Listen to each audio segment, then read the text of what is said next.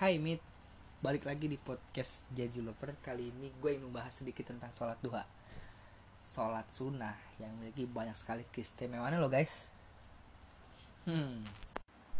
Dimulai dari waktu pelaksanaan ya Yaitu 20 menit sejak matahari terbit sampai 15 menit waktu sebelum zuhur. Dengan durasi yang begitu panjang Sayang sekali jika kita tidak melaksanakan sholat duha. Hmm Kalian bisa melaksanakannya ketika sebelum berangkat beraktivitas ataupun ketika sedang di kantor ataupun di sekolah. Ya, sambil mengisi waktu luang sebelum waktu zuhur, alangkah lebih baiknya diisi dengan sholat duha. Ya kan? Selain itu, sholat duha juga bisa dilaksanakan minimal dua rakaat. Dan untuk batasan jumlah rakaatnya ada dua pendapat nih guys.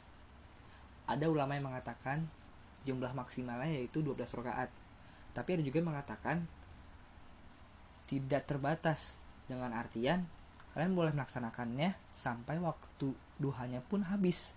Nah jadi balik lagi ke diri kita bagaimana kita bisa menyanggupinya. Nggak ada tuntutan loh ya. Ini sholat sunnah.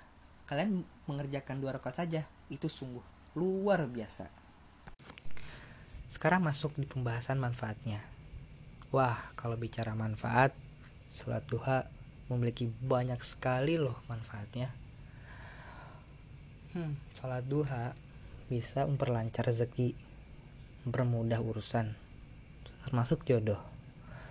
Bisa juga urusan-urusan karir ataupun ranah pendidikan. Kalian sulit memahami suatu suatu pelajaran. Kalian sulit menemukan jodoh. Kalian sulit di karir anda. Sholat duha adalah salah satu kuncinya. Jadi nggak susah kok dengan manfaat dan keistimewaan yang begitu banyak. Dua rakaat setiap pagi nggak susah kan? Ayo yuk semangat sholat duha demi kehidupan lebih baik dan tentunya agar kita menjadi pribadi yang soleh dan bertakwa. Assalamualaikum